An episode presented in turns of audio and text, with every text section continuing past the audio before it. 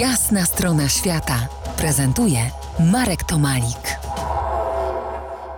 Dziś wędrówki po Sudetach, a w szczególności po Sudetach Środkowych. Wracam do rozmowy z naszym gościem, profesorem Marianem Kachniarzem. Krajobrazy sudeckie były często wykorzystywane przez polskich twórców y, filmowych. Wiele filmów do końca my nie zdajemy sobie z tego sprawy, ale właśnie powstawało właśnie w Sudetach. I dlaczego właśnie y, tam się zdecydowali kręcić? Myślę, że to nie tylko y, Kieślowski, ale też inni twórcy filmowi. No powiedziałbym teraz y, z przekąsem, że to nawet Hollywood zjeżdża, żeby wysadzać mosty właśnie w Sudetach. Przecież słynny most Pilkowicki e, znajduje się w Sudetach.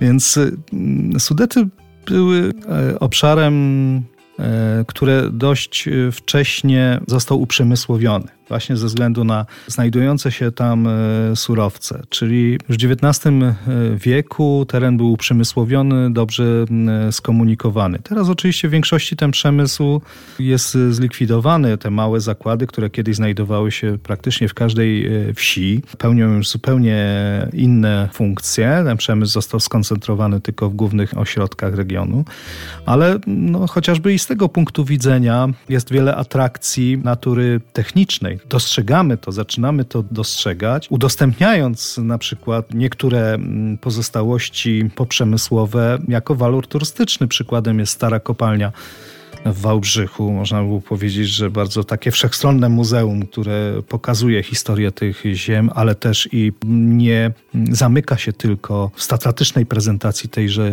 historii. Jest to bardzo nowoczesny obiekt, który warto odwiedzić. Takim śladem historii tych ziem, ciągle nieodkrytym są podziemia. Całe systemy drążonych fabryk podziemnych, głównie w czasie II e, wojny światowej, to są sztolnie walimskie, e, to są systemy typu Rize, czy Włodarz, czy w końcu mm, podziemia Arado w Kamiennej Górze, gdzie były zlokalizowane mm, zakłady projektowe pierwszego samolotu odrzutowego Rzeszy Niemieckiej. I ślady właśnie tych fabryk, tych podziemi no stanowią dzisiaj nie lada atrakcję, tym bardziej, że wiele rzeczy jest y, ciągle niewyjaśnionych. Nie do końca wiemy, mm, jak te systemy wyglądają Nie do końca wiemy, czemu one służyły. Domyślamy się w dużej części, czemu one służyły, ale to jest ciągle owiane e, tajemnicą. No i najważniejsze, ciągle szukamy tego złotego pociągu. Wiemy, że on jest, wiemy, że jest w Sudetach,